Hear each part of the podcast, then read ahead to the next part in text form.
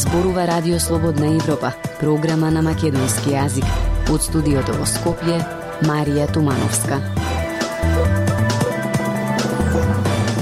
Добре дојдовте во емисијата. Во неа ќе слушате. Наместо на пресконференции, обвинителството и антикорупцијска апелираат партиите доколку имаат докази за сторени кривични дела да ги доставуваат до институциите. Обвинителството се уште ги проверува наводите по јавно искажаните обвинувања за актуелни и поранешни функционери, објавени во писмата на Боки 13. Од светот, анализираме како руски Лукойл заработува милиони во Бугарија, а за тоа не плаќа данок. Независни вести и анализи за иднината на Македонија. На Радио Слободна Европа и слободнаевропа.мк. Почнуваме со емисијата. Обвинителството и Државната комисија за спречување корупција апелираат партиите доколку имаат докази за сторени кривични дела да ги достават до институциите наместо тоа да го прават на пресконференции. Опозицијските партии речиси секојдневно објавуваат сомнежи за афери, тендери, злоупотреби на службената положба. Поранишниот обвинител Константин Кизов е уверен дека доколку има докази, обвинителството ќе ги гони сторителите, но вели дека е тешко да се постапува по функционери функционери додека нивните партии се на власт. Пелагија Стојанчова. Основното јавно обвинителство и Државната антикорупцијска комисија ги следат секојдневните информации кои се пласираат во јавноста за неправилности во работењето и наводните кривични дела кои се пласираат преку пресконференции. Реакција од надлежните побаравме откако партијата во опозиција ВМРО ДПМН во неколку наврати обвини за местени тендери и злоупотреби на народни пари направени од како што наведуваат функционери на власт. Од обвинителство во одговор за Радио Слободна Европа вела дека сака да укажат оти пресконференци институциите не се облик на пријавување на кривично дело. Секој што има докази или смета дека е сторено кривично дело, треба да поднесе кривична пријава, пошто обвинителството ќе постапи во рамките на своите надлежности, се наведува во писмениот одговор. Од ДКСК вела дека постапуваат секаде каде што сметаат дека има основ и се што ќе допре до нив гледаат да ги завршат како предмет. Знаете дека Државната комисија си постапува во рамките на своите надлежности, не селективно ги разгледува сите предмети, така што мислам дека треба да го да го бараме посоодветниот пат, отколку постојано само да се обвинуваме. Значи конкретно со докази, со документи се доставуваат, се прегледуваат и се чекори понатаму. Вели преседателката на ДКСК Билјана Ивановска. Државната антикорупцијска комисија соопшти дека ќе го проверува случајот со јавното предпријатие Водовод од Струга. Тие ќе проверуваат случај во кој градоначалникот на Струга, Рами Смерко, пред две години го продал земјиштето и објектот во кој било сместено комуналното предпријатие, а сега водовод плаќа месечна кирија од 3000 евра, а предпријатието работи со загуба. Ваквите наводи беа наведени во извештаите за работата на јавните предпријатија во Струга. Еден од посочените сомнежи за афери го даде и сегашниот градоначалник на Тетово Билјал Касами од БЕС. Тој вели дека неговата предходничка Теута Арифе од ДУИ во 2021 склучила дури 811 договори на дело за вработување, а во општината има превработаност. Поранешниот јавен обвинител Константин Кизов вели дека секое објавување на афери треба да биде подкрепено со докази, а како што вели, обвинителството има доволно кадар за да ги провери на водите. Меѓутоа, јавното обвинителство, како орган надлежен за гонење, треба по службена должност сите наводи кои ќе бидат изнесени во јавност, да ги проверуваат наводите дали стварно се има случено некој дело за да можат понатаму да да истото постапуваат. И ако утврди дека има основ за гонење, сигурно дека ќе ги гони. Тоа што станува пракса на водите за афери да се соопштуваат на пресконференции преку медиуми, според Кизов се должи повеќе на политички маркетинг. Тоа што ќе го достават како докази останува пишано и документирано и ако пота институциите не постапуваат, партиите ќе имаат зошто да фрлат дрва и камења по нив, вели Кизов. Тој вели дека не е лесно да се постапува по функционери додека нивните партии се на власт. Слободна Европа. Следете на на Facebook, Twitter и YouTube. Основното јавно обвинителство чека осудениот Бојан Јовановски, познат како Боки 13, да го дополни исказот во веќе поднесената кривична пријава со новите наводи кои ги споменува во своите писма.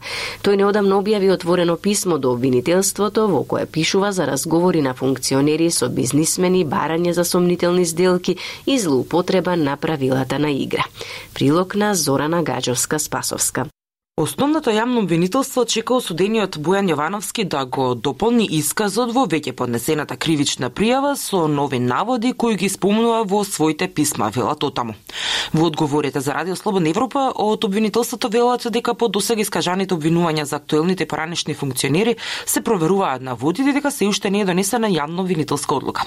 Неодамна шоуменот и неформален собственик на еден ТВ Јовановски познат во јавноста како Боки 13 објави отворено писмо до обвинителство во Кој пишува за разговори на функционери со бизнисмени, барање за сомнителни изделки и злоупотреба на правилата на игра. Јовановски е обвинет во предмет од Меѓународен сојуз и осуден за предметот рекет. Буки 13 е во затворот и Дризово, каде што треба да одлежи казна затвор од 9 години, поради кривичното дело перење пари и примање награда за противзаконито влијание. Во писмата е презентирана слика од електронска комуникација меѓу како што прикажува Јовановски, сега актуелниот министер за земјоделство Љупчо Николовски, каде што како што вели Јовановски се гледа подготвеност за краток рок да се среди пренамена на земјоделско земјиште во градежно без да се припазат процедурите. Од кабинетот на Николовски до објавување на овој прилог не испратија никаква реакција од власта досега не коментираа јавно за содржината на писмата. Од објавената комуникација за која досега само Боки 13 тврди дека е автентична, се забележуваат договори за средби, но не и контекстот кој што го нуди во писмата самиот автор. Јовановски досега во обвинителството има поднесено на 30 кривични пријави против актуелни поранешни функционери и бизнисмени за злоупотреба на службена должност и давање на лажен исказ, како и на совесно лекување. Шефот на обвинителството Љубомир Јоевски пред еден месец изјави дека веќе се постапува по кривичните пријави и серија обвинувања како и напади за криење на докази. Во неколку наврати, мислам дека во три, му е овозможено на записник во основното јавно обвинителство Скопје да ги да изложи да поднесе кривични пријави. Тој додаде дека наскоро ќе има и обвинителска одлука. Од опозицијата обвинува дека писмата на Јовановски се само уште еден доказ дека главата на рекетарскиот октопот како што велат е Зоран Заев. Јовановски за време на предметот рекет, како и на рочиштата за меѓународен сојуз, во своите искази посочуваше дека во како што вели, многу ситуации бил сведок на криминални изделки меѓу бизнисмени и функционери за кои како докази ги наведува приватните разговори сочувани во неговиот телефон, што долго време беше на вештачење. Радио Слободна Европа, светот на Македонија. Од рестораните во Зимјава се жалат на недостиг на професионални готвачи, па и менаџери по гастрономија. Доста од нив не можејќи да го издржат притисокот од кризата со COVID-19, преминаа во други професии, а дел заминаа да работат во странство за повисоки примања. Пренесува нашата дописничка од Битола, Жанета Здравковска, која разговараше со студенти од одсекот гастрономија и идни готвачи. Одсекот по гастрономија на Факултетот за туризам и угостителство во Охрид се обидува преку академски образован кадар да го надмине дефицитот на кадри од областа на гастрономијата, но и да го издигне квалитетот на оваа професија на повисоко ниво. Во прилог одати наградите што на 18-тиот меѓународен надпревар по гастрономија во Истанбул ги освоија студентите од оваа насока, од Гран При до 9 златни, сребрени и бронзени медали. Студентите раскажуваат во што се крие успехот на нивната професија. Ние секогаш гледаме да споиме македонско со модерно. Колку што имавме намирници кои ги имаме во Македонија ги употребивме и гледавме на македонски начин сето тоа да го презентираме. Па рибата ја филетиравме, ја полневме со брокола, правивме сос од фонт од риба и домати и направивме пире од брокола. Првично го гледат изгледот на тајнерот. Доста битно колку е вкусно нештото кое го правиме. И трето е колку сме организирани, смирени, колкава ни е хигиената во бокса. Вели студентот Христијан Јордановски од Прилеп. Паста ми беше со полнта со модер патиџан, орај, урда, овчка, сос од пиперки. Здравје. Испадна како ајвар, сакав да приготвам нешто македонско. Рече студентот Роберт Тодорчев од Кавадарци. Од рестораните во земјава се жалат на недостиг на професионални готвачи, па и менаџери по гастрономија. Доста од нив, не можејќи да го издржат притисокот со COVID-19, преминаа во други професии, а дел заминаа да работат во странство за повисоки примања. Ректорот на Универзитетот Свети Климент Охридски од Битола, Сашо Коруновски, вели дека важно е квалитетот на кадрите да има финанси финансиска и обштествена валоризација. Оно што тие денес го постигнале да биде признаено. Прво онаму каде што работат, беше од предходно прашањето. Дали ќе останете тука или ќе одите надо? Затоа што ако вие освојувате медали, ќе мора да бидете третирани како шампион. Во спротивно некој друг ќе ве третира како шампион и затоа апелирам до оние кои што на вистина треба да го припознаат и да го вреднуваат квалитетот. Рече Коруновски, оваа насока беше во замирање, врз што посебно влијаја промените во образовните концепти на укинување на тригодишните студии, но со вложување во квалитетна настава, професорски кадар и опрема се подигна квалитетот и интересот за студирање. Со оваа студиска програма се овозможува градење на гастрономијата на универзитетско ниво. Култура и уметност на Радио Слободна Европа. Од културата. Тој и јас се насловена книгата на сликарката Гордана Винчик, посветена на незиниот татко Живоин Винчик, познат македонски и југословенски археолог и специјалист за антиката, што се појави неодамна.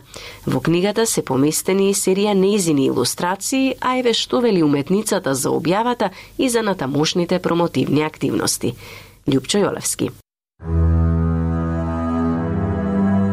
Татко ми имаше големо влијание на мојот живот. Уште како дете постојано ме носеше на најпознатите археолошки локалитети во Македонија. Присуствував на многобројни ископувања и така учев од него за митологијата, символите, традицијата и многу други интересни приказни за минатото.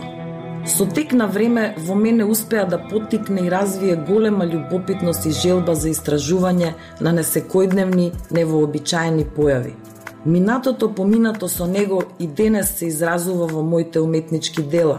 Со задоволство сликам со современа изразна форма, инспирирана од дамнешните културни наследства, символи и митологија.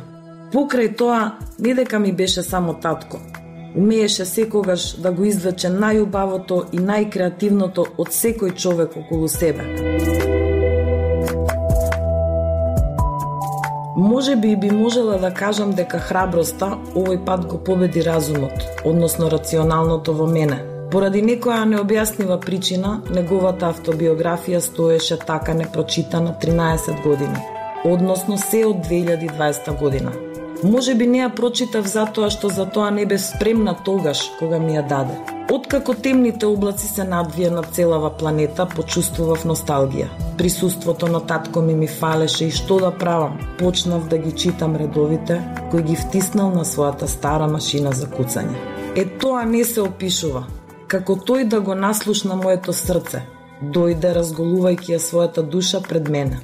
Мојата храброст е ништо во однос на неговата, но сепак ја имав доволно и знам дека од него ја наследив.